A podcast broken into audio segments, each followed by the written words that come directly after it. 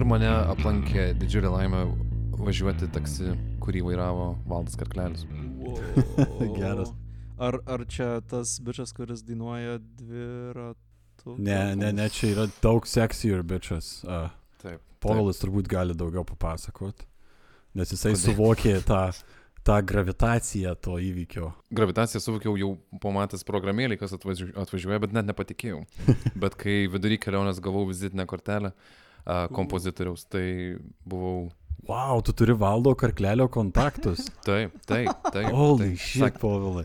Taip. Jis nori atgaivinti karjerą ir aš sakiau, kad labai to lauksiu. Amba, mes dabar per nuotolį, nu, taip norėčiau paliesti tave iš tikrųjų, bet dėja. Šiaip kur kas svarbesnis klausimas yra, kur tu per karantiną važinėjai, Paulai. Tau, mam.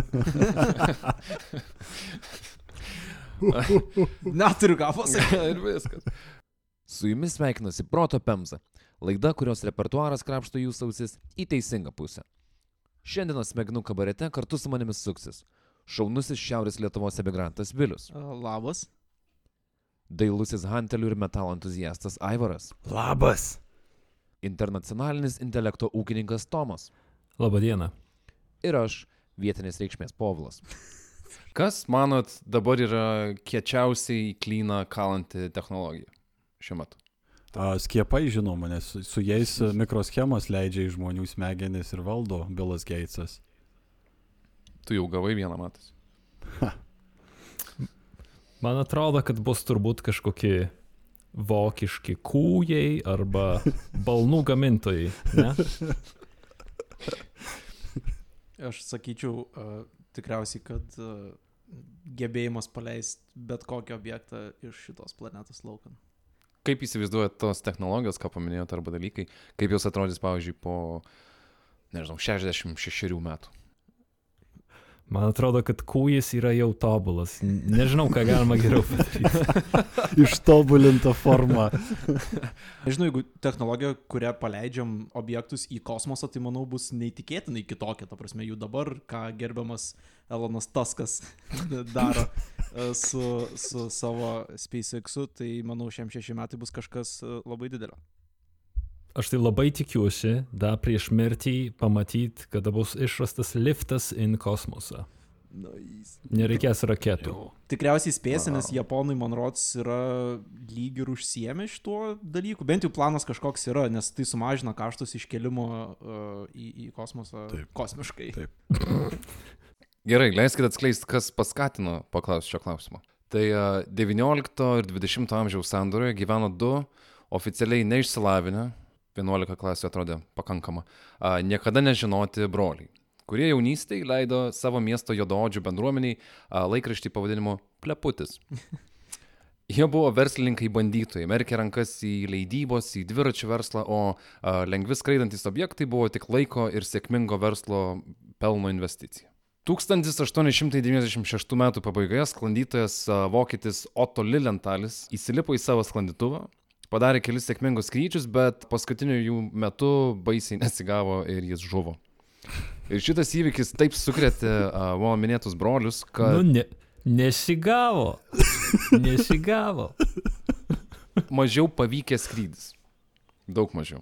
Tai šita žutis taip sukrėtė mano paminėtus brolius, kad hobis lengvų skraidančių objektų virto rimtų darbų. Perskaitę visas vietinės bibliotekos knygas apie aviaciją ir pasitelkę Lilentalio skaičiavimus, jie pradėjo daryti bandymus. Ir po septynių metų broliai Raitai, kaip jau turbūt galėjot suprasti, ilgiausia tą dieną atlikto kontroliuoto skrydžio metu nuskrido daugiau negu 250 metrų per minutę. Tai jau galit suprasti, apie ką bus šiandienos epizodas. Apie single vyrus. Single neišsilavinusius vyrus. Ne, šiandienos a, tema bus mano viena iš mylimiausių apskritai temų, tai bus aviacija. Ir a, pagvildensim gal artimiau, kas link mūsų vyko tuo metu, kai visa aviacija ir šiaip buvo savo paauglystės metuose, bet nusikelsim į Lietuvą, kad suprastume, kas vyko pas mus Tai Lie- Lietuva apskritai turi aviacijos istoriją kažkokią? šiandien ir sužinosim. Ačiū, Povilai. Gavau viską, ko man reikėjo. 1903 broliai Raitai a, paskrenda beveik pilną minutę. Tai buvo pirmasis kontroliuojamas žmonių skrydis. Kas kiečiausia buvo, tai buvo pavadinimas tos vietos, kur visą tai įvyko. A, vieta vadinasi Kill Devil Hills.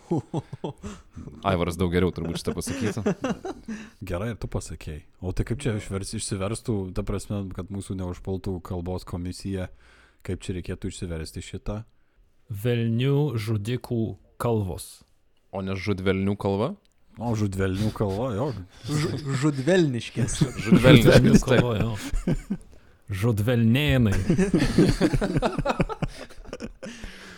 Praėjus maždaug 44 metams nutrūktgalvis Čekas Jėgeris, kas jau skamba kaip šoto pavadinimas, a, net nebuvo favoritas pilotuoti naują lėktuvą viename iš bandymų Mojaves dykumoje Kalifornijoje. Pagrindinis pilotas už misiją, kurią tuoj pasakysiu, ką reikėjo padaryti, pagrindinis pilotas paprašė 150 tūkstančių dolerių, kas dabar būtų pusantro milijono eurų. Bet skrydžių valdymo kontrolė turbūt nelabai norėjo skirti tiek pinigų. Ir čia priejo Čekas ir sutarė, kad tą pačią misiją įvykdys už savo mėnesinę algą ir tai buvo 2500 eurų ekvivalentas. Tai pusantro milijono versus 2,5 tūkstančio. Žinai, reikia, kai dėriesi, visada reikia pradėti aukštai, kad galėtum gauti maksimumą. Suveikė strategija.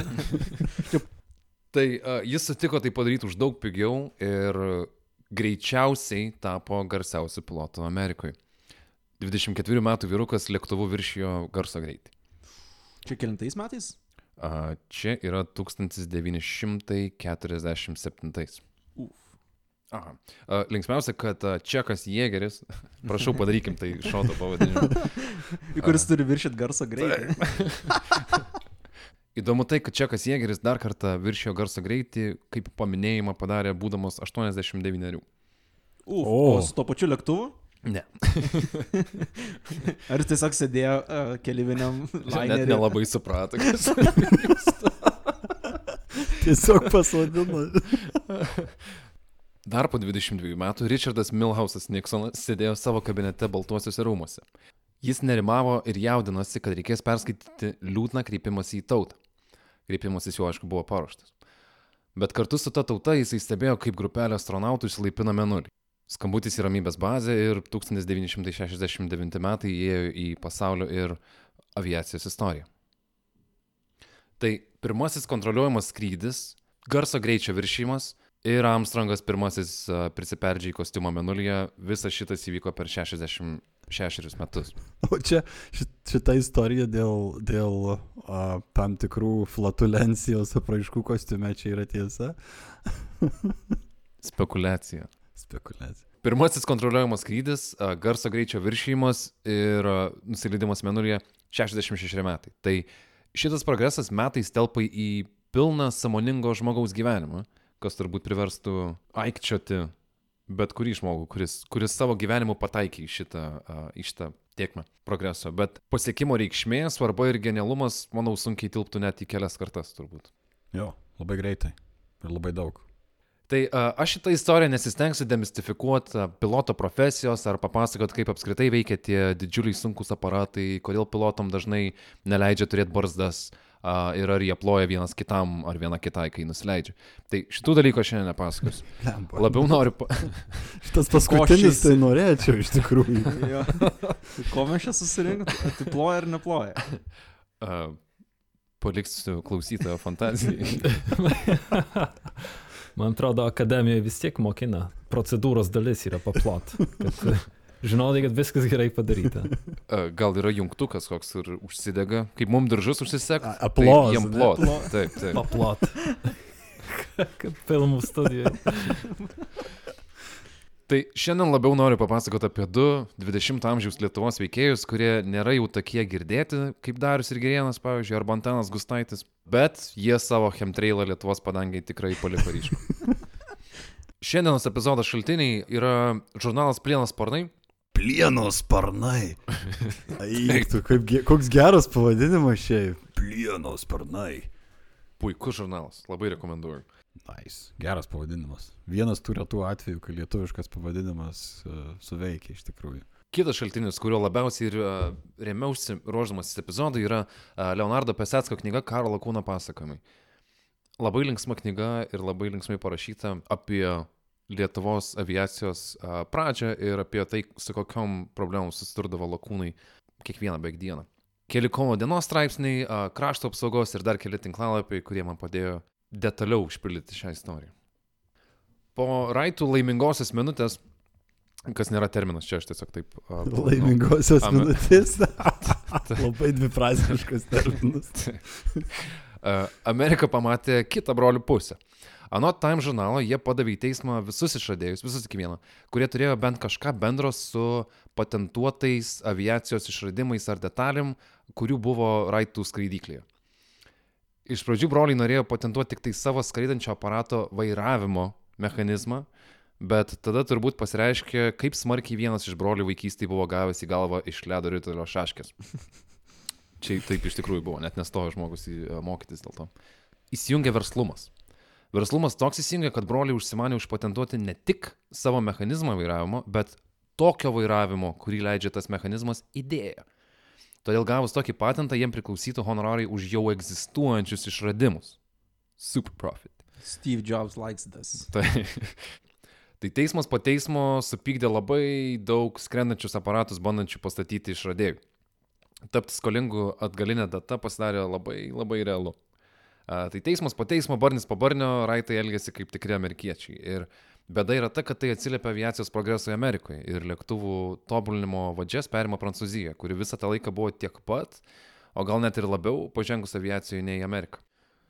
O tuo metu, už kelių tūkstančių kilometrų, Jonas Mačiulis šventino Šilovos koplyčią, laukose ramiai lojo karvės, o paprasti valstiečiai galvas į dangų užversdavo ieškodami ramybės. Bet nebeilgam.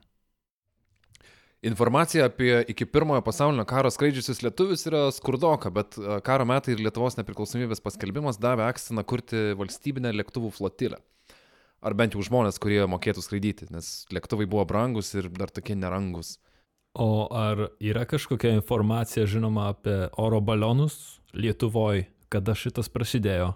Tikriausiai ir iki lėktuvų, iki aviacijos turėjo būti kažkas.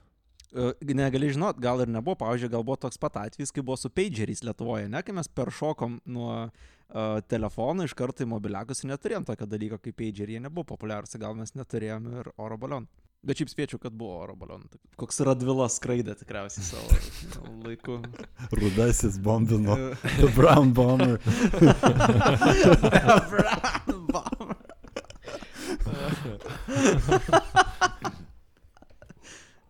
1919 metais Kaune buvo įkurta karo aviacijos mokykla, kuri atrodė daug žadanti, a, dėja išbesdėjo tik vieną laidą, bet joje buvo tokių žinomų vardų kaip Antanas Gustaitis, o mokytojavo vienintelis lietuvis, beje, kuris yra baigęs karališkųjų oro pajėgų aviacijos mokyklą, Pranas Hiksa.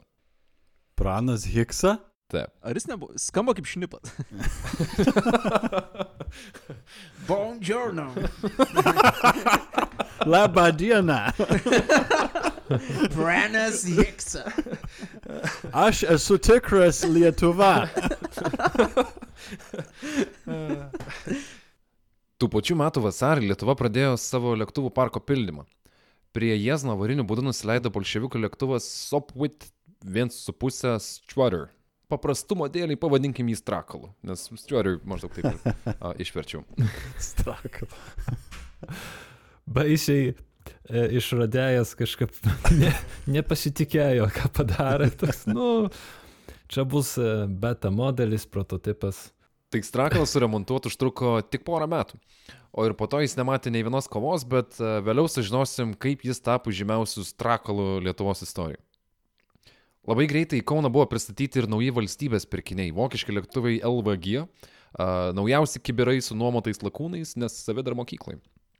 Beje, pirmieji mokytojai karo aviacijos mokyklai buvo vokiečiai, nes jie dar buvo nespėję būti gražinti į Vokietiją ir mes tiesiog neturėjom nei vieno specialisto išskyrus Praną Hiksą, kurie būtų galėję apmokyti jaunos būsimus pilotus. Tai kitaip tariant, pasiliko po pirmo pasaulinio karo. Taip. Tai vokiečiai išaugino patys savo priešininkus. Taip išeina, ne? Neturiu priežasčių nesutikti. O ar jie buvo priešininkai? Čia turbūt kitas toks A. klausimas yra. Kiek Tomai žinai oro mūšių, kur lietuvių lakūnai su Nu, aš tikiuosi dabar iš, iš, išmokt kažką naujo, sužinot. Kaip sužinosim, daugiau kovos su savim ir su technika buvo, o ne su kažkokiais priešininkais. Bet, a, bet buvo kovų, buvo. Taip, tai... a, Sunkiausias priešininkas yra nugalėti save. Bet strimgalviais lietuvių pilotai jau pavasarį dalyvavo žvalgyboje ir kažkiek a, dalyvavo kovose virš Ukmergės ir Panevežio. Tai galima sakyti, kad varikliai po truputį šilo. Tai pakalbėkime apie pirmąjį mūsų lietuvių herojų šiandien - Jurgį Dobkevičių. Jurgis Dobkevičius gimė Sankt Peterburgė pačioje 20-ojo amžiaus pradžioje. Tėvas Jonas Dobkevičius, žinomas ekonomistas ir politinis veikėjas, studijavo Sankt Peterburgo universitete, ir dirbo to paties miesto valstybinėme banke ir caro rūmų raštiniai. Pirmo pasaulinio karo metais Jonas rado naują darbovietę. Pradėjo vadovauti prancūzų automobilių ir lėktuvų gamybos ir prekybos bendroviai, kas galimai turėjo įtakos tuo metu paaugliui Jurgiui. 1917 metais įvykęs perversmas Rusijoje suvirpino puikios karjeros pamatus, bolševikai nacionalizavo darbovietę ir kitą metą Jonas Dobkevičius su šeima grįžo į jau nepriklausomą Lietuvą dirbti finansų ministerijoje. Ir jo parašas netgi yra po pirmąją Lietuvos valstybės konstituciją 90 1922 metų. Rimtas tėvas, rimtas ir sunus. Jurgis Dabkevičius dar gyvendamas Sankt Peterburgė mokėsi Petrogrado Politechnikos instituto laivų statybos fakultete, kuriame 1909 metais buvo parengti oreivystės kursai. Ir šie kursai laikomi pirmąją aukštąją aviacijos mokyklą Rusijoje. Tai šeši metai po Raitų laimingosios minutės Rusija jau nebe kaip ir neatsilieka ir turi savo aukštąją aviacijos mokyklą. Kurioje beje yra ir lietuvis, ne, kaip, su, kaip suprantu. Taip.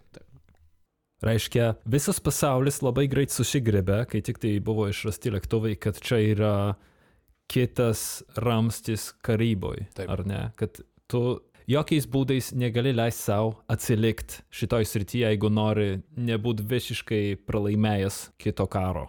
Nu, ypač kai tu esi turbūt e, imperija, nespėti paskui kitas didžiasias kolonijinės jėgas tuo metu pasaulyje, tai buvo šiek tiek turbūt mirties nuosprendis e, geopolitinio tokio įvaizdžio prasme. O kai tu tarpu, na, vėliau galbūt lietuviams tai buvo ir savotiško tautinio, nacionalinio kažkokio savęs išvedimo į pasaulį klausimas. Na, nežiūrėkit, šita tauta gali turėti savo mokyklą, lakūnus ir taip toliau ir panašiai.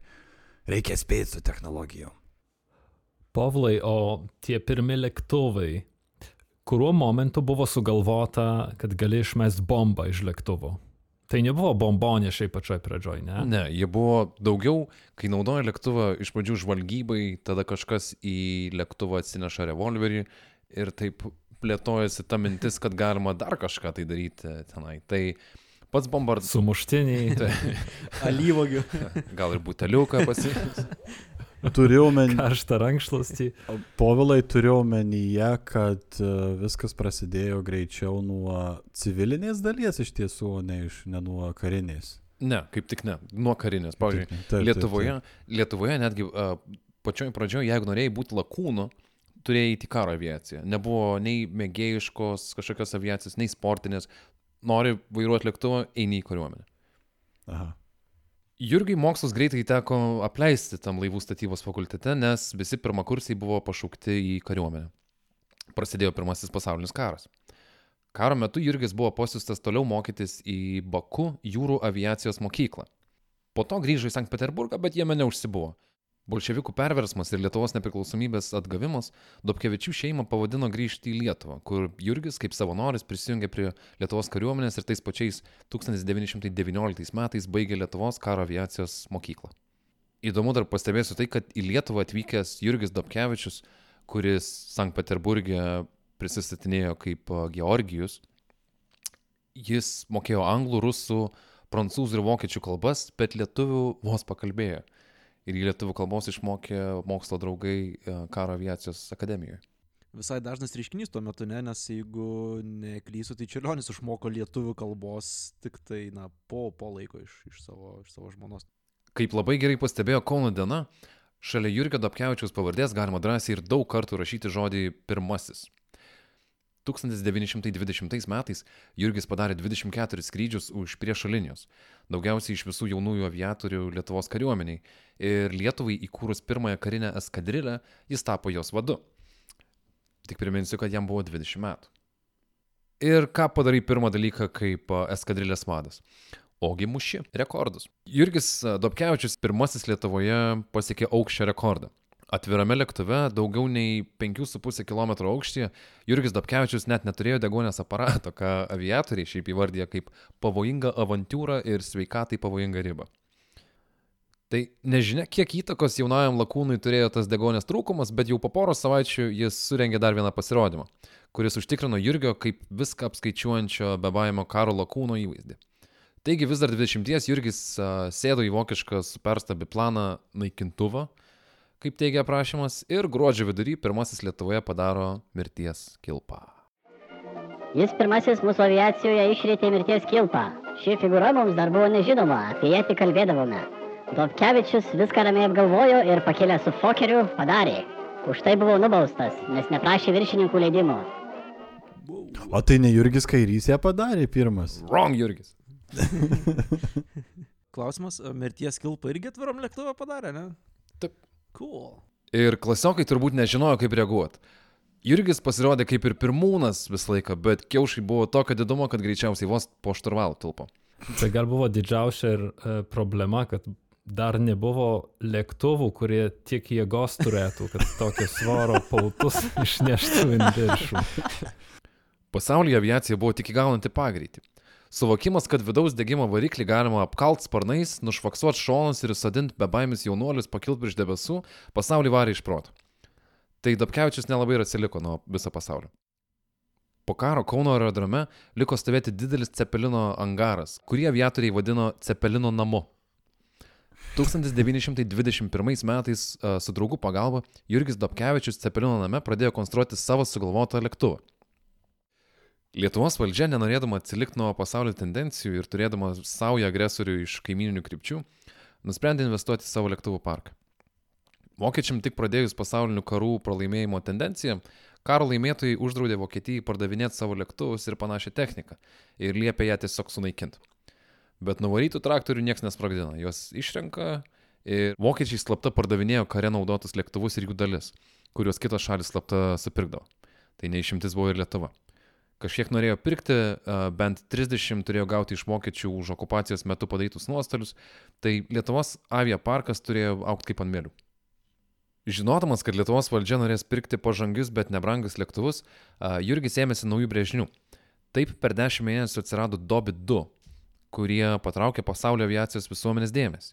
Lėktuvas buvo jau dvivietis su Benz varikliu, o, technol... yeah. Taip.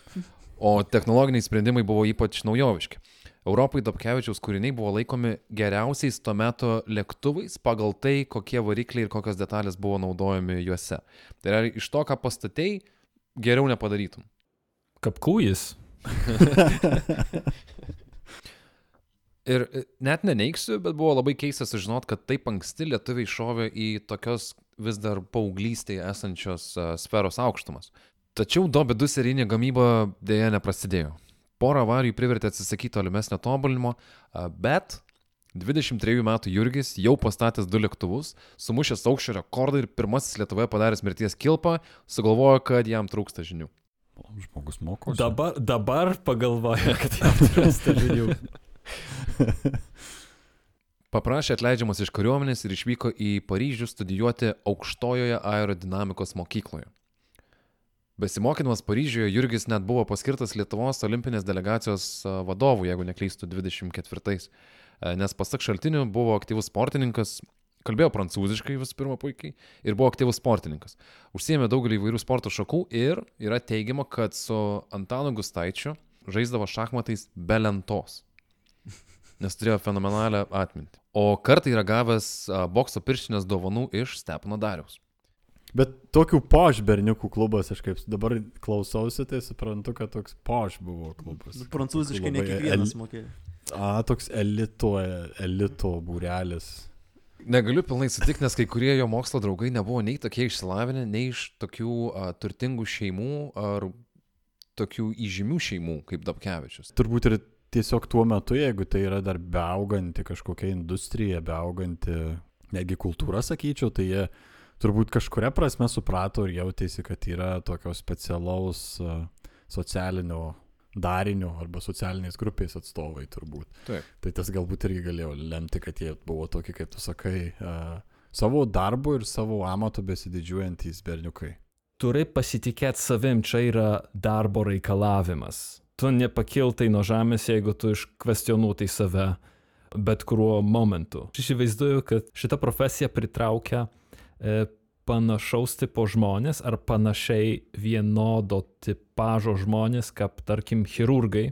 Tavo darbas yra rizikuot uh, savo gyvybę, nes tie lėktuvai įsivaizduoju, tai yra tiesiog metalo, medžio ir drobės šmotas, kuris pakyla kažkokiu stebuklingu būdu in viršų ir jeigu po 20 karto niekas nepagenda ir tu gali be jokių problemų nusileisti, čia yra labai labai sėkminga diena, o jisai ką, 23 kartus už priešo linijų skrido ir tikriausiai ten škadų pridarė bile kokių, grįžo lyg niekur nieko, mušė rekordą aukščio, realiai ką, 5,5 km aukščio, tai vos kvepuot gali. O jisai dar ir ten kelių G pagreitį e, ištveria. 23 du lėktuvo modelio tipus sukuria. Tai, nu ką, nėra, nėra neįmanomų dalykų. Aš įsivaizduoju, kad tas hangaras tai buvo reikalingas tam, kad sulaikyt testosteroną vietoje už tai, kad aplinkiniai šekai vošia vaikam barzdos akt pradėjo. nu jo, toks laikas Wild Wild West. To, tam tikrą prasme, turbūt. Bet aš įsivaizduoju ir kokia darbo disciplina turi būti, nes tai nėra a, blogai nušluota gatvė arba prastai iškepti blynai. Čia yra klaidos tau kainuotų gyvybę. Arba sveikatą bent jau. Tai tas prestižiškumas, kurį turi piloto profesija, kartu atneša ir labai daug pavojų. Tai apie juos, yra, apie juos to ir pakalbėsiu. Vienaip ar kitaip, prieš išvažiuodamas studijuoti į Paryžių, Jurgis sugalvojo trečią lėktuvo modelį, kuris tapo pirmoju Lietuvos naikintuvu - Dobit 3. Grįžęs į Kauną tęsė jo konstravimą, kas iš viso užtruko tik pusę metų. Tai jis vos ne per dvigubai greičiau vis lėktuvą sukonstruoja kiekvieną naują. Dobi 3 buvo naikintuvas, taip? Taip, taip. O kokius ginklus tuo metu dėdavo ant lėktuvų, kurie dar kaip, ir, kaip, pat, kaip pati transporto priemonė, jie yra dar, a, kaip sakant, tokioj labai a, embrioniniai savotiškai a, faziai. Tai ką ten, nu, ragatkių nedėjau turbūt, kad jau egzistavo kulkosvaidžiai ir netgi egzistavo kulkosvaidžiai, kurie sugebėjo šaudyti tarp propelerio geleščių. Šitas labai nais. Kas man yra... a, čia išradimas tai yra. Taip, čia- Fuck. kosmosas, nes tu arba gali susišaudyti propelerį visiškai truputį nepataikęs, arba turėti puikų ginklą. Tai keistokos formos naikintuvas turėjo BMW variklį ir, kaip teigia vėlesnė spauda, lenkė užsienio lėktuvus bent keliariais metais. Deja, bet pirmojo viešo demonstravimo metu įvyko avarija ir susidėjusios aplinkybės neleido pradėti serijinės gamybos. Vėl. Jurgis atliko bent 600 skrydžių įvairiais lėktuvais. Ir kai tiek daug skraidai ir nors ir esi savo srities profesionalas, vis tiek kažkas turi atsitikti. Beskrisdamas į Sankt Peterburgą su išsijungusiu Dobė vienas varikliu, avariniu būdu Jurgis nusileido prie Zarasų. Pats susiremontavo lėktuvą, bet bekildamas nuo plento, nuslaužė ratą ir teko tiesiog grįžti į Kauną. Pagalvokit, kaip Zarasų rajone žmonėm, kurie nėra matę lėktuvo, turėjo atrodyti visas šitas vaizdas, kai nuo tavo vieškelio kyla dar nematytas. Prasme, visų pirma, nusileidžia lėktuvas, iš jo išlipa čiuvakas, pasiima įrankius, pasiant ant kratų pasikelia. Biškai pa pasikeikė, kad Ir išskrenda. Nu, bando išskristi ant plento, bet nuslaužė ratą. Tada sulaukė mechaniko iš Kauno, e, bet tada jau pakyla ir išskrenda namo, atsisakė skrydžio į Sankt Peterburgą. Vieną kartą besileisdamas aerodrome e, Aleksotė, Jurgis yra užkliudęs ūkininko vežimą su šienu, nes jo tiesiog nepamatė. Lėktuvas sudužo, vežimas apvirto, Dabkevičius sulaužė koją. Tai tokių incidentų tikrai buvo. Pavojus dar palyginti jaunoje aviacijoje tikojo kiekvienam skrydyje. Darbo angare vis pakeisdavo gydymasis ligoninėse, todėl niekam nebuvo labai keista, kai Jurgio mama paprašė jo nebeskraidyti bent jau su savo lėktuvais. Koks disas iš mamos. Ne tai, kad šiaip nustos skraidyti, bet su savo lėktuvais nustos skraidyti. O, die. Mamos beveik klausė, bet 1926 m. birželio 8 prieš išvykdamas dirbti į Škodos gamyklą Prahui, Jurgis sugalvojo dar kartą paskraidyti savo Dobi 3 naikintuvu. Anksti ryte iš namų Donelaičio gatvėje išėjo išlipęs pro langą, kad neprižadintų mamos. Kartu su draugais nukeliavo iki Aleksoto aerodromo, iš kolegos pasiskolino šalmą ir akinius, iš angaro išstumė Dobi 3 ir sėdėsi į lėktuvą pakilo skrydžiui. Paskraidęs kelias minutės turėjo leistis, kaip pasakojo Aleksotė buvo aviacijos draugai, jie sakė, kad buvo nedidelis, bet nepatogus vėjas. Jurgis pasuko savo lėktuvą link nusileidimo tako. Jis mūsų nepaklausė. Pasirinko krypti savaip, pro ažalus, tiesiai prieš vėją. Matėme, kad besileidžiantį lėktuvą pridengia medžiai. Ir tuoj pat nuėdėjo trenksmas. Iki tos vietos gal buvo puskilometris. Šokome bėgti artyn ir kai prisartinome, pamatėme, kad ant Jurgio Dobkevičiaus sukniubusi baisiame sielvarta moteris. Motina! Valentina Teplekova Dobkevičinė pabudusi tą rytą ir pamačiusi, kad sunaus nėra namie, iškart suprato, kur jis gali būti ir nukeliavo iki aerodromo. Viskas taip susiklosti, kad ji matė ir avariją ir buvo pati pirma prie savo sunaus, kuris užkabino ažalų viršūnės ir jo lėktuvas sudužo. Jurgis dėja po kelių valandų ligonį mirė. Ir jo dėja, bet beveik viską apskaičiuojančio bebaimio karo lakūno dienas baigėsi tais 1926 metais. Tai jam buvo 26.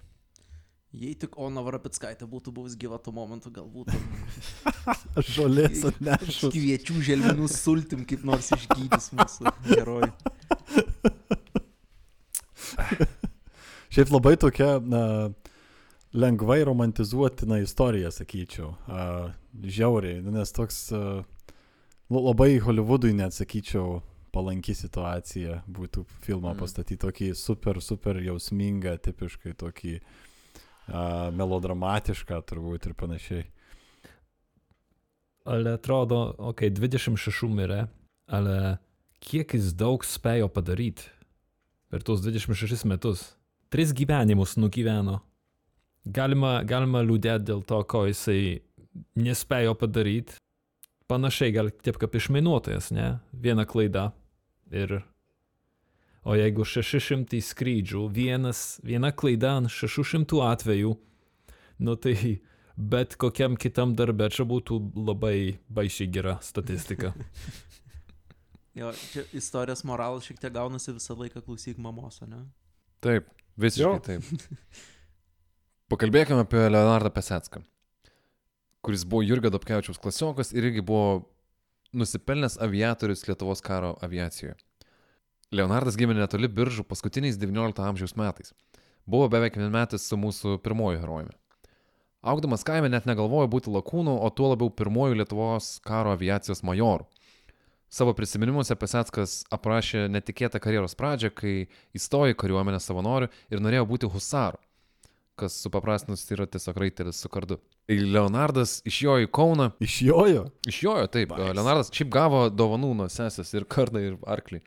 Ir išjojo į Kauną, kur prisijungė prie husaro būrio ir netrukus jau su užduotim išjojo link fronto.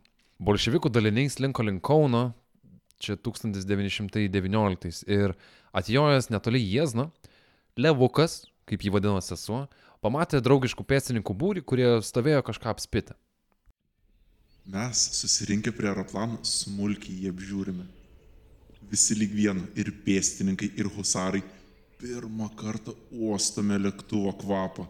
Stovime taip arti prie skraidančios mašinos. Ir visi kaip vienas jaučiame. Tai brangus ir vertingas, svarbus karo trofėjus. Reikia kuo greičiausiai įvežti tolyn iš čia. Turbūt taip pat jausiuosi pirmą kartą gyvai sutikęs Inga Valinskė.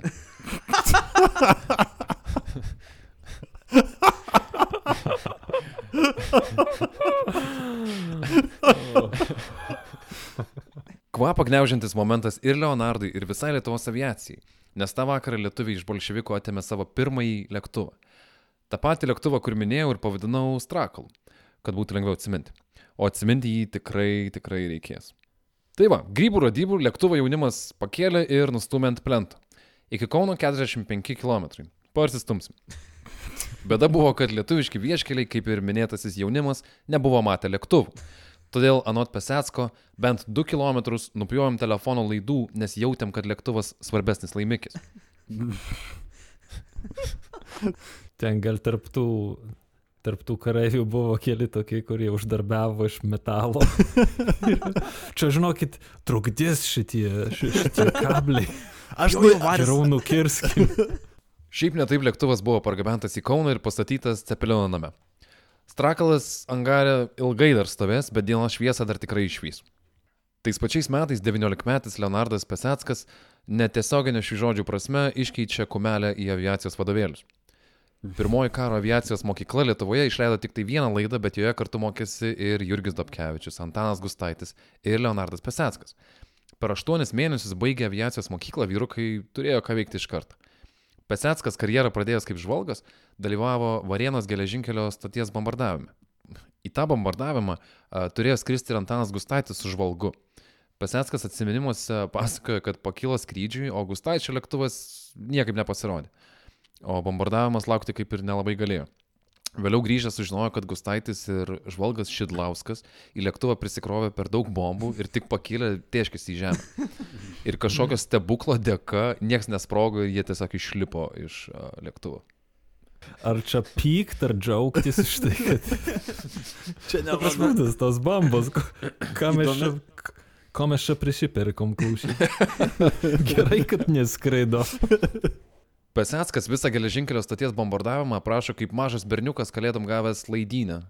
Nenustyksta vietoj, mėto bombas, o pataikęs į priparkuotą garvežį, net šoktelius senas supersto bombonešio sėdinį. Apsisuku albatrosę gero upo pagautas. Bet greit susigriebiu.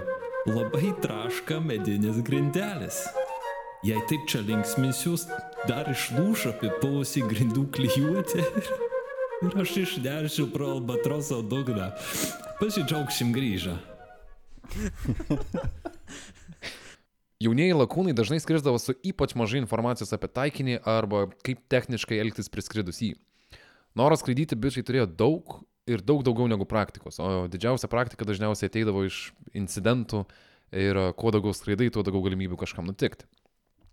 Leonardas tris kartus skrido į kovas su Lenkais, kurie Želigovskio atvesti 1920 metais užėmė Vilnių ir jo kraštą. Tų pačių metų lapkričio mėnesį pats savarankiškai atliko savo pirmąjį skrydį, po kurio turėjo praeiti ketveri metai skraidimo ir praktikos, kad šešias klases baigęs Levukas iš Vabalinko valščiaus taptų karo lakūnų Leonardu. Pasecko prisiminimuose skyrius po skyriaus eina istorijos, kaip kažkas skrydžio metu sprogo, nes suveikė, išsijungė variklis ir panašiai. Apskritai palyginus to metu techninę Lietuvos ir gal netgi pasaulio aviacijos padėtį ir piloto meistriškumą, ir gal truputį pridėjus sėkmės, nustembi, kiek mažai iš tikrųjų tragiškų incidentų visgi įvyko. Bet įvyko. 1923 metais vyko didelė šventė, vasario 16. Dalyvavo įvairios kariuomenės dalis, pasirodymą turėjo surenkti ir aviacija, kaip tuo metu ir buvo vadinama visas karinės aviacijos skyrius. Buvo užkurti penki lėktuvai, suplanuota skristi reikiuotėje vienas šalia kito, pilotai jauni, su metų dviejų patirtimi, bet visi džiaugiasi gavę progą paskraidyti. Vesti eskadrilę buvo paskirtas ne kas kitas, o Jurgis Dobkevičius. Ir jau tada jis buvo sukonstravęs savo pirmąjį dobi vienas ir jau buvo toks kietas vyrukas savo skyriui. Pesenskas skrido Dobkevičius pašonį. Viskas vyko sklandžiai, penki ekipažai pakilo į kilometrų aukštį. Kiek paskridus Dobkevičius mostelio ranka, truputį išsiveržė į priekį ir pradėjo linguoti lėktuvą į šonus. O tai buvo ženklas išsiskirsti. Vasario mėno nėra saulėtų orų mėno, tai matomumas buvo prastas ir Leonardas, be išsiskirstant, sekundai pastebėjo kažkokį objektą šalimais. Tada po kažkokio garso jam pasirodė, kad vanduo užliejo akis. Ir karšta srovė buvo tokia stipri, kad nuplovė akinius nuo veido. Aplink girdėjo uh, pasenskas braškėjimą ir realiai garsus, kurie nėra susijęs su sėkmingu skrydžiu. Leonardas nieko nematė. Plojimų nesigirdėjo. Leonardas nieko nematė, bandė valytis alyvą nuo akių.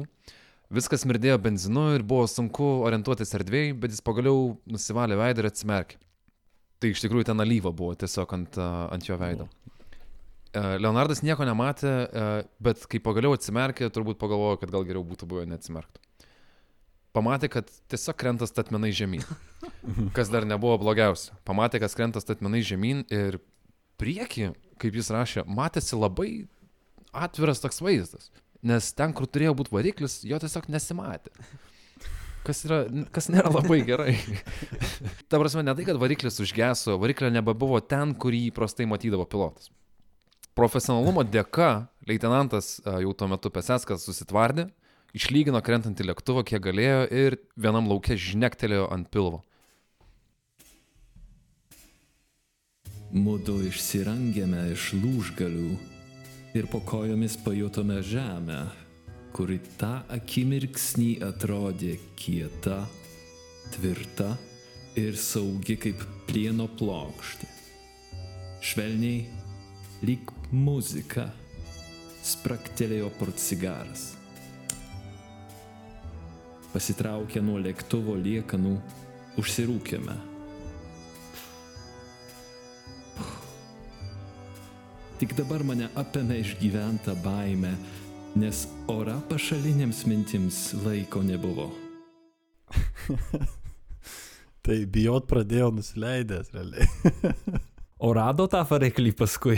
Šiaip noriu pridurti, kad variklis nebuvo visiškai nurautas nuo lėktuvo, jis tiesiog kabėjo neveikintis ant detalių. Nes uh, jeigu variklį nurautų visai, tai tavo lėktuvo svorio centras visiškai pasikeistų, tai tada jau, tada jau neberūkytum tikrai niekada. Arba kiek spėtum iki uh, sudužimo parūkyti, bet uh, ne. Šiaip aš esu linkęs tikėti pilotais. Esat uh, girdėję paskutinius pilotų bendravimus radijų, kur uh, lėktuvas krenta, o bokštelis klausinėja ir viskas gerai. Tavo dėka jo. Ir uh, pilotai iki pat sudužimo kalba ramiau negu Marijus Žiedas per LRT dokumentikas. Tai aš taip ir įsivaizduoju Peseską tą dieną. Šiaip kas nutiko, tai du tos šventinės eskadrilės lėktuvai buvo per arti vienas kito ir vienas sparnu realiai vožiai kito variklį. A, Kitas lėktuvas irgi beje sėkmingai nusileido, nors irgi ne kažką buvo. Aš norėčiau būti to išventi tarp žiūrovų. O čia taip turėjo būti, čia programos dalis. O šiemet kitaip. O jis turėjo atsarginės kelnes ten kažkur. Žiniai.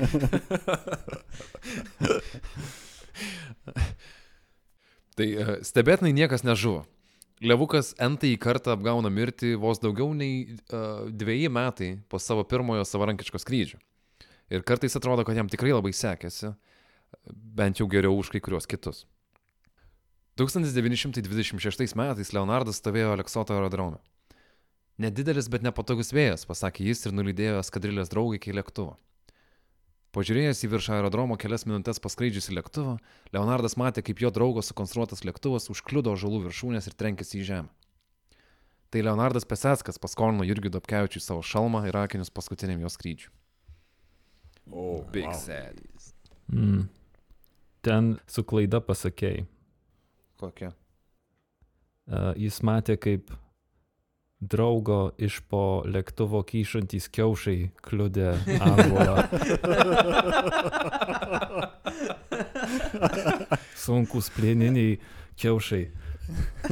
Plieniniai kiaušai, va, čia apdovanojimas turėtų būti. Tai ir tada visi suvokė, kokia buvo tikroji Dobio 3 problema. Tai buvo balansas kiaušų sunkumui netitaikytas. 1919-40 metais Lietuvos aviacijai įvyko 29 mirtinas avarijos. Žuvo 28 pilotai ir 8 žvalgai. Įdomu, kad beveik per pusę šitą statistiką nukirto, kai pilotams ir žvalgams įdavė parašiutus. Toks lengvas pavėluotas sprendimas. Bet, vaikai, ar norite išgirsti dar vieną istoriją, kaip Levukas mirčiai pasakė, nu, aš žinau, gal ne šiandien. Tai e, 1928 metais, tai Leonardui e, 28 ir 9, į Kauną atvyko Latvijų delegacija ir pulkininkas Indans, latviškai tai reiškia indėnai, paprašė parodomojo skrydžio uh, su iš angaro jo paties išsirinktų lėktuvu. Leonardas tuo metu jau eskadrilės vadas, neseniai pakeltas į kapitonus, turėjo lėktuvą išstumti lauką, apžiūrėti, prabandyti ore ir duoti, kad pulkininkas indėnai jau jo paskraidytų. Labai normali procedūra. kaip ir tokia, kad žvalgai, o ypač jaunesnėji, nepatyrę, pasiprašo skristi kartu. Vis tiek laisva vieta yra, tai kodėlgi ne. Paseskas sutiko į lėktuvą, kurį mandagiai beje yra pavadinęs savotišku, paimti jauną žvalgą Kazį Šimku. Kovo mėno, saulė šviečia, variklis gaudžia, kazys neužknisa, indienai greičiausiai sužavėti, viskas gerai. Pesetskas leidžiasi link aerodromo, lieka 500 metrų, mato, kad negali nusileisti, apsukinėti ratelį reikės ir bandyti leistis iš naujo. Iki žemės 500 metrų. Ir tradiciškai sprogimas. Nu, čia kažkaip jau atsitiktinumui nurašyto negalima. Tikrai Pesetskas nieko ten neįkiždavo prieš tus skrydžius. Čia Tipo- vario vagis tiek. Jo, tipo, padarykim, kad įdomiau būtų viški. Tai uh, Lietuvoje žodžio sabotažinti nėra, yra pesetkinti. Pesetskinti. Su pesetskinu lėktuvu. Kažkas sprogo motoro viduj.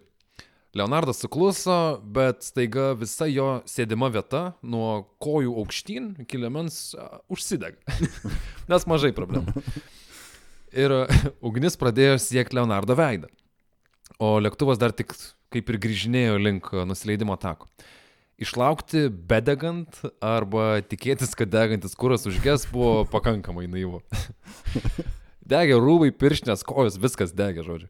Leonardas pradėjo galvoti apie tiesiog šuolį iš lėktuvo. Nes tu degi. Tai jis mane, kad aš jau geriau nesudegsiu gyvas, bet aš iššoksiu ir greičiausiai užsimušiu iššokęs iš to lėktuvo. Bet nėra labai daug pasirinkimų, ką dabar galiu daryti. Parašiutų lėktuvuose tuo metu nebuvo. Lemtingas momentas, ką daryti. Tuo metu gale sėdėjo Kazys. Aš žiūrėjau atgal aerodromo pusėn, kad aerodromas bus laisvas tupimui. Kai aš atsigrįžau į priekį, labai nusivau pamatęs kapitoną Pesetską, kuris valdė lėktuvą stovėdamas ant dešinio sparno.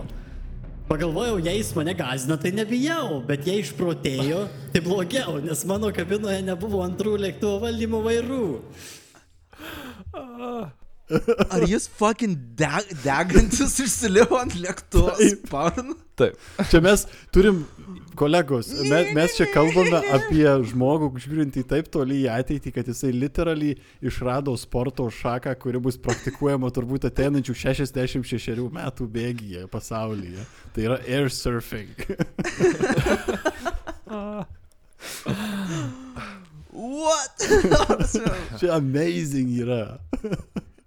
Nu, kaip bebūtų, karščiausias tarpu karo Lietuvos jaunuolis.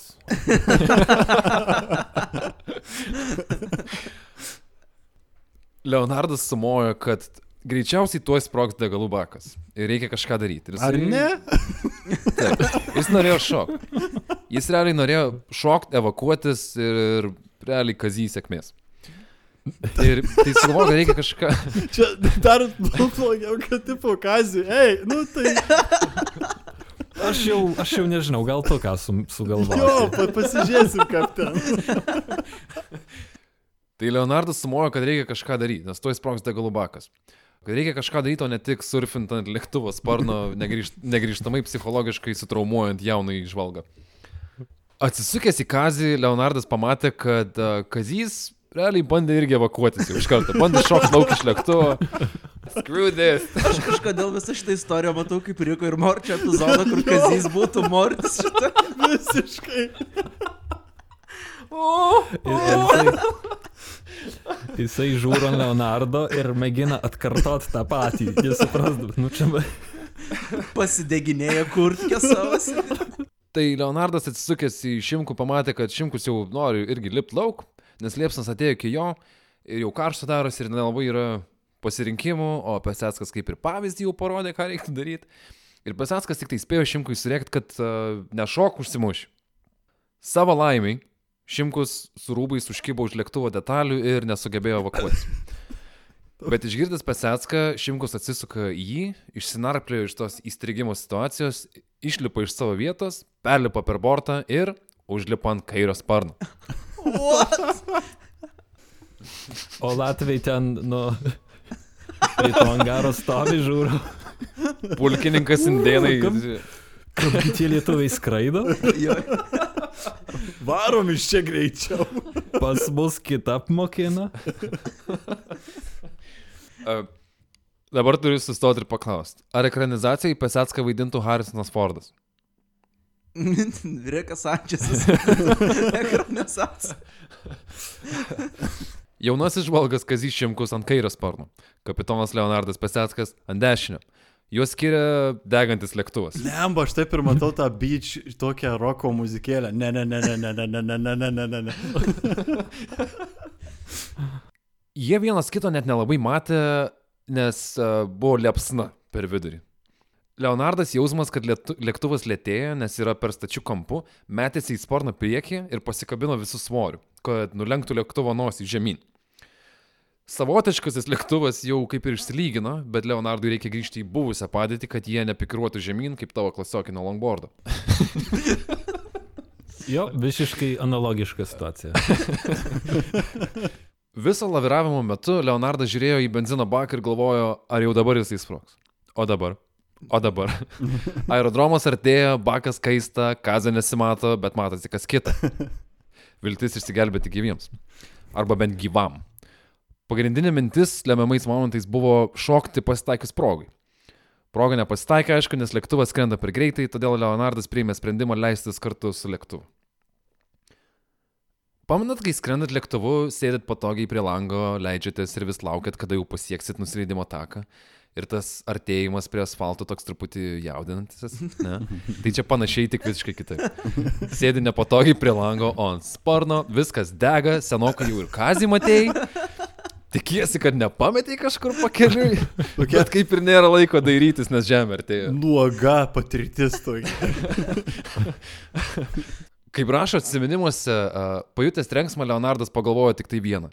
Jei lėktuvas neužgrius, viskas bus gerai.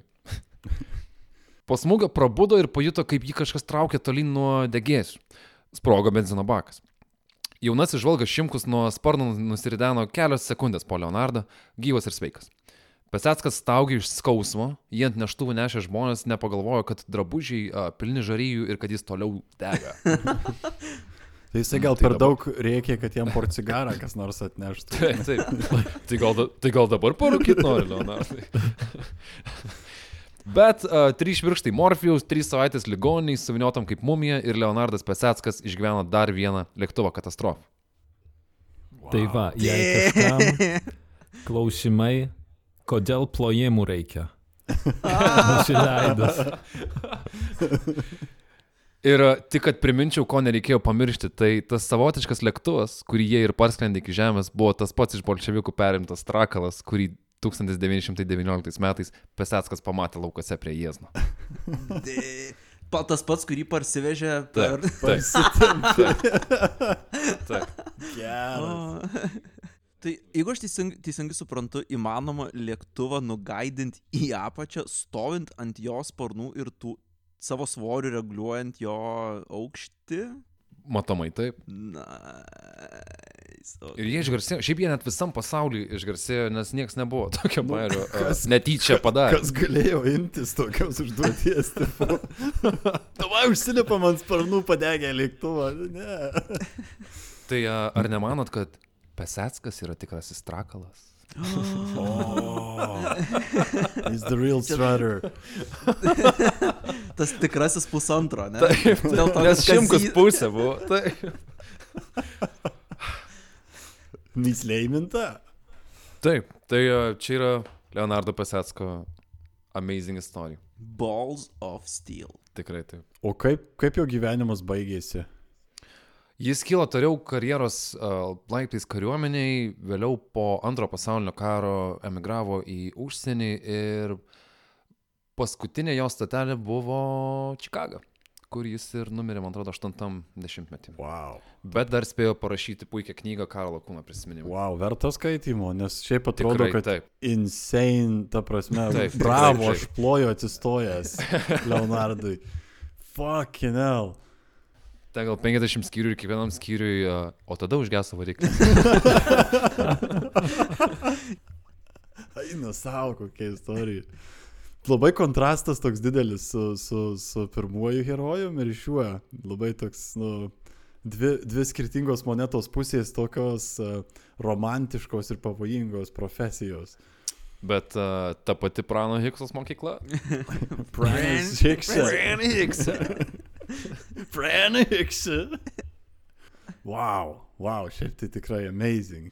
Taip, tai turim tokių veikėjų, uh, nereikia jų ieškoti nei už Atlantą, nei per kur, nei kažkur turim. Kelintą kartą klausantis uh, istorijas apie žmonės iš mūsų šalies, uh, labai uh, liūdna matyti, kad tiek skurdu ekranizacijų. Visiškai. šitais, Mhm. šitais klausimais. Netflix'o miniseries, šešios serijos, žinai, Aha. visą build-upą. Visiškai. Eina. Nu, čia... Kuri, kuris emailą parašys, tai į Netflix'ą tada. Aš jau įpusėjau draftą atsiųsiu. Ai, tai su Radvilom jau baigė, ne? nu, dabar castingo stadija. Ar bus Ramūnas Rudokas šitame? A, Tu, povilai, tu kazį šimkų nori paimti. Mortis net savo paties fantaziją. Dėmesio, dėmesio. Svarbus pranešimas. Įsiklausę į jūs ir savo balsus nusprendėme parsiduoti. Tiesa, ne bet kam kitam, mylimieji klausytojai, o būtent jums. Trumpai drūtai, mūsų proto Pemzos Patreonas jau čia. Jei jaučiate potrukį pasakyti mums ačiū valiutos kalba, jau galite tai padaryti. Legaliai. Paruošti kiekvieną epizodą kainuoja mums daug laiko ir norėtumėm juos skirti daugiau. Tad jūsų parama, tiek piniginė, tiek žodinė, mums nuoširdžiai svarbi. Netolimoje ateityje planuojama papildomų atrakcijų Patreonams, bet pradedame paprastai. Finansinis ačiū tiesiog, už kurį gausite mūsų padėkas. Turinys lieka nemokamas visiems, tačiau tik mūsų Patreono mylėtojai galės jaustis prisidėję prie Lietuvos pemzinimo. Ačiū! tai galim, galim visi ačiū pasakyti. Ačiū. Dėkui. Ačiū.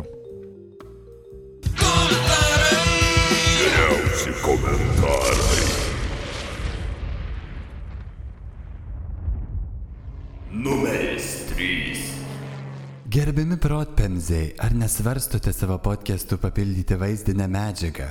TI nuostabiojoje Šiaurės miestelio studijoje įsirengti filmavimo kamerą. Milda iš sporto salės. Nu tai dėl to ir launčinam Patreoną, mums reikia nusipirkti state of the art visą uh, aparatūrą. Tik jau ne iš šiaurės miestelio turbūt būsim. Taip, tai reikėtų tikriausiai ir Mildai ir visiems kitiems pasakyti, kad Šiaurės miestelio studija bent jau laikinai tikriausiai ne, yra uždaryta renovacijai. ir nes Valoma. valoma po mūsų jo septynių epizodų įrašytų, ar šešių įrašytų tenai. Tikrai taip, Intensyviai vedinama. tikrai taip ir na dėl tam tikro susidariusio uh, teisės saugos pavojaus yra jo, jo, reikia išs- išvedinti gerokai tenai. Tikrai. Aš dar neturiu to paplūdimio kūno, tai, o kaip žinoma, aš turiu papildomą dar prievolę. O kiek tau reikia, Pavilai? O epizodai skaičiuosim, ar, Jo, valandom. ar sezonai skaičiuosim iš tikrųjų. Bet tai tavogi Anthony Kiedis. Anthony Kiedis. Tai tada plaukus. Mid pasodint 40s, reikia. Anthony Kiedis, žinai. Sa, iki popo. e, Tuo. Milda, labai ačiū už klausimą. Logistiniais sumetimais negalim išpildyti uh, šito labai šiaip tai rimto noro, nes uh, aš taip pračiau būsiu labai nuostabi fantazija kažkieno akise, aha, sakysiu savo tą toliau, nei sugriaut šitą vaizdą jūsų, uh, jūsų akise su brutaliu realybės šaltu kibiru. Bet iš tikrųjų tai mus skiria per daug tūkstančių kilometrų, kad galėtum nusifilmuoti ramiai ir gražiai. Šiai dienai taip, pandemija suardė mūsų planus būti fiziškai arti vienas kito, kas daro Wow. visą įrašinėjimą sudėtingu. Plus mes turime laikytis atstumo reikalavimų ir visų kitų dalykų. Mes visgi nesame muzikos, muzikos žvaigždės, kurios na, gali turėti tiesioginės televizijos transliacijas. Mes esame paprasti žmonės įrašinėjantys podcastą. Čia buvo labiausiai politkorektiškas atkalbėjimas nuo pornografijos filmavimo. Ačiū Jums. Numeris 2. Laukiam epizodo apie okultinį onanizmą Lietuvoje. Audrus iš, noriu pasakyti, Kauno. Audrus iš Kauno. Tomas šiandien labai yra toks e, neapsisprendęs dėl žmonių buvimo vietos, kurie, kurie randasi. Ar čia tokį plausible deniability ieškai e, akcento kažkokio? Nu, jis ten nėra parašyta, iš kur jis yra. Aš tik tai dedukcijos keliu e, atmečiau 191 valstybę ir su triangulavau iki vieno miesto Lietuvoje. Tai čia, žinai, pak paklaidą pasilieku. Jeigu darysim savo video turinį, tai pirmasis video turin- turinio na, epizodas bus apie okultinę anonizmą. Tikrai. O, bold promises. Labai griežti pažadai šio vietoje. Solo. Valandą laiko tiesiog. Solo ansamblis. Norėčiau vieną miskoncepciją klarifikuoti, taip pat venkim barbarizmų, ne taip kaip aš, kad aną kartą mes šnekėjom apie okultinį anonizmą, o ne onanizmą, bet turiu nuojautą, kad audriau tu tai jau žinojai. Turiu klausimą, koks, e, ar yra skirtumas tarp onanizmo ir anonizmo, nes onanizmas skamba kaip susijęs su ona būtų, o anonizmas su anonimais gal ar? QAnonu. Labai geras klausimas vėliau. Onanas buvo Nojaus sūnus, čia yra biblinis veikėjas. Ir uh, iš čia ir ėmėsi šitas žodis. O anonizmas, įtarų naujadaras, turbūt reiškia tą patį, tik anonimiškai. O čia patvirtinta, kad ononas, o ne onanas. Jo. Taip pat kaip audrius iš Kauno, taip pat ir patvirtinta štai. Jo. Kaip konanas, taip onanas. Konanizmą. Tai gal kaunonizmą. Kaunonizmas. Kaunan. Šiaip a, atsa Tai- atsakant Audriui, tai a, visiškai suprantu, nes aš irgi laukiu epizodo apie okultinį onanizmą Lietuvoje. Tai Kažkas turės apsijimti. jo, jo. Negali tuščia šitą dirvą likti. Akivaizdžiai yra niša Lietuvoje. Kas bendra tarp šikšnosparnių, Musolinio ir Viktorio Kulvinsko? Kabėjimas žemyn galva. Ieva iš internetų.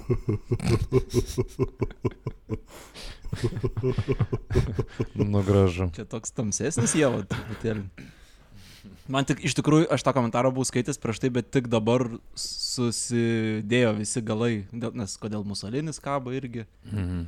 Taip Žinau, geras. gerai. Tik verta pažymėti, kad tai buvo vizualika perteiktas. Taip, taip. Turtinga vizualika atmieštas komentaras.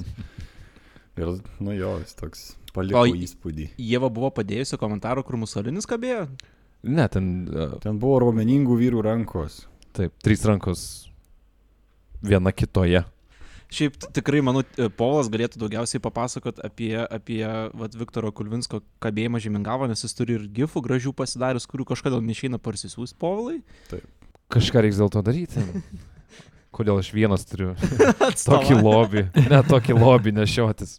A, čia, na, vos neeina link to, kad, kad yra einama Lietuvoje prie Viktoro Kulvinsko judėjimo pradžios. A, ir cool, ir win, ne? Tipo, Ir win. cool, Cool wins. win. Antro net nebuvau supratęs žodžių. I mean. Ar kiekvieną savaitę mes atrasim kažką naujo apie Cool Winską? Tai tikiuosi, kad ne. Viktoras Kulvinskas ant savo varganų pečių vienas neša visos Lietuvos memų potencialą šimtą kartų aukščiau. Šimtą kartų. To, kad žin, Viktorą galima laikyti raganium. Šiųjų. Tam tikra prasme galva, tai- Ekscentriškas, raugintais kopūstais gydyti siūlo. Ir jisgi yra, nu, ta prasme, man rodos, turi žynio kažkokią tai titulą, netgi ten uh, oficialų, bent jau kokį nors, tai, nežinau, pastorius kaip minimum. Grand Wizard. O kas duoda tokius statusus? Bet? Pauk, Alisterio Kraulio Hebra tikriausiai duotų, ne? Kokį Grand Wizard. Uh, Ne, tokia iš dvi, trijų karaidžių tokia organizacija. jo, turi jo, Grand yra. Wizards. Kosminių kontaktų klubas. Kosminių kontaktų klubas. Tikrai, tikrai. Taip. Aš nenusteptau, jeigu pasirodytų, kad Viktoras šiaip baig, baigė kažkurios tai raganių mokyklos laidą arba žinių Aha, Buvo tokios mokyklos. Dar. Kijeve. prie trečio tarp padalymo dar, žinai. Kartu su Donelaičiu blaivina Lietuvą. Taip. Jis Donelaitį tai, mokino o, blaivybę. o prieš tai surfino su Husovijanu kartu. Klausytoja ar klausytojų, už kiekvieną like ir subscribe Viliui išauga naujas plaukas ūsuose. Jei patinka, sharing, komentuok ir rašyk reviewsą Apple Podcasts. Tokiu būdu mums aiškiau, kokios temos jums įdomiausios ir šiaip glosto širdutę. Tai va, tokie ir herojai. Ir krašto apsaugos ministerijos puslapį radau tokį labai šitų herojų ir galbūt netgi tų, kurie turėjo ir pasiaukoti vertą sakinį, kuris savo, kad Lietuvos valstybės atkūrimas ir nauji gyvenimo iššūkiai padėjo atsiskleisti asmenybėms, kurios save realizuodamos turėjo sumokėti aukščiausią ir dažnai tragišką kainą, bet taip pelnomas nemirtingumas. Ir manau, kad šitos istorijos ir padaro šitus visus herojus pakankamai nemirtingais. Taip. Jo. Nu, Pesetskui net mirt nereikėjo, žinai. Jis literaliai nemirtingas buvo. Mažai žinomas, va. Jo, jis vis dar gyvena Čikagoje.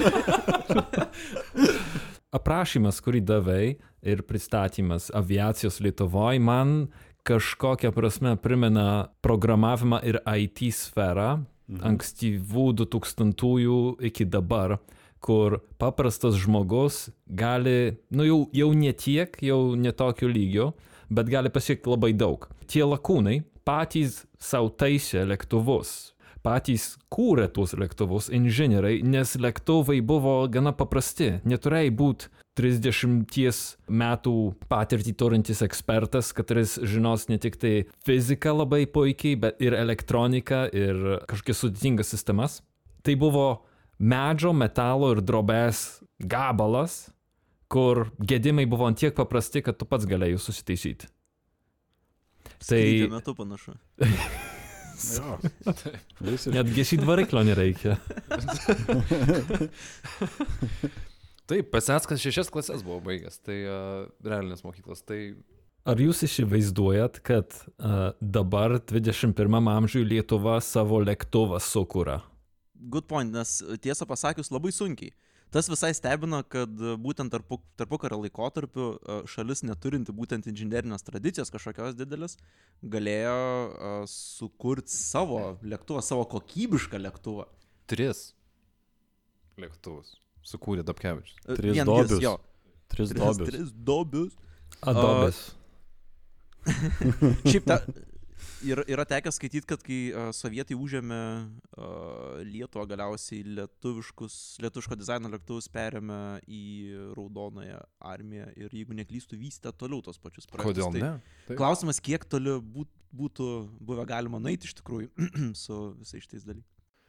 Ir man yra labai gražu, kaip turbūt Vilius tą ir minėjo, kad pati sritis yra tokia jauna ir mes neturėjom tokių, arba aš klystu, aš nežinau, kur tokių viražų ir tokių pasiekimų mes patys kaip lietuviai turėjom ir kuo mes galim pasigirti. Ir aš manau, kad nepelnytai yra per tyliai kalbama, pavyzdžiui, apie tokius dalykus. Ir turbūt todėl ir padarėm šitą epizodą. Gali būti Šimkus, gali būti Pesetskas, gali būti tas bičias, kuris čekui jėgeriui. Vogė tai- telefono. telefono Ne, tas, Variklį nusivilko paskui. Ne, tas, kuris pusantro milijono norėjo už misiją pagerinti garso greitį. Tai apie jį, apie jį ir nežino niekas. Pala... Ne, ne, nežinok, apie jį filmą padarėgi. Ir tai Hollywoodo filmas yra. Bet Čekas Jėgeris vis tiek yra žinomesnė pavardė. Ir jisai padarė tą, o ne tas bičias, kuris paprašė pusantro milijono už tą misiją ir jo nepasirinko. Tu nepasipelnysi iš va tos vat piloto profesijos. Tai turi būti to tokio idėjinio, idėjinės varomosios jėgos kažkiek iš tavęs, kad tu pasiektum tokius dalykus. Nu, tai taip, tu turi Pesetskas ant, Pesetskas ant sparno nelipo už pinigus, jisai lipo, nes degė Jo, jo. ir neturėjo prie- išeities. Jis degė aistra aviacijai. Tai tokia istorija, tokie du asmenys, kuriuos šiandien pasirinkau papasakot. Manau, kad tokių asmenų yra dar daugiau ir apie juos tikrai verta kalbėti ir manau, kad tikrai dar kalbėsim ateityje. Gal ir kitose sritise mes dar turim labai daug apie ką šnekėti. Bet šiandien ačiū, kad klausėtės, buvo labai smagu. Istorija tikrai irgi neįlinė. Jeigu žinot kažkokių tokių žmonių, tai mes tikrai lauksim ir jūsų komentarų, ir jūsų žinučių, kurias gaunam, kas yra labai faina, ir jūsų e-mailų ir visko. Tai nenustokit rašyti, mes nenustosim įrašinėti. Ir susitiksim kitam epizodui. Iki. Iki. Ačiū. Yeah.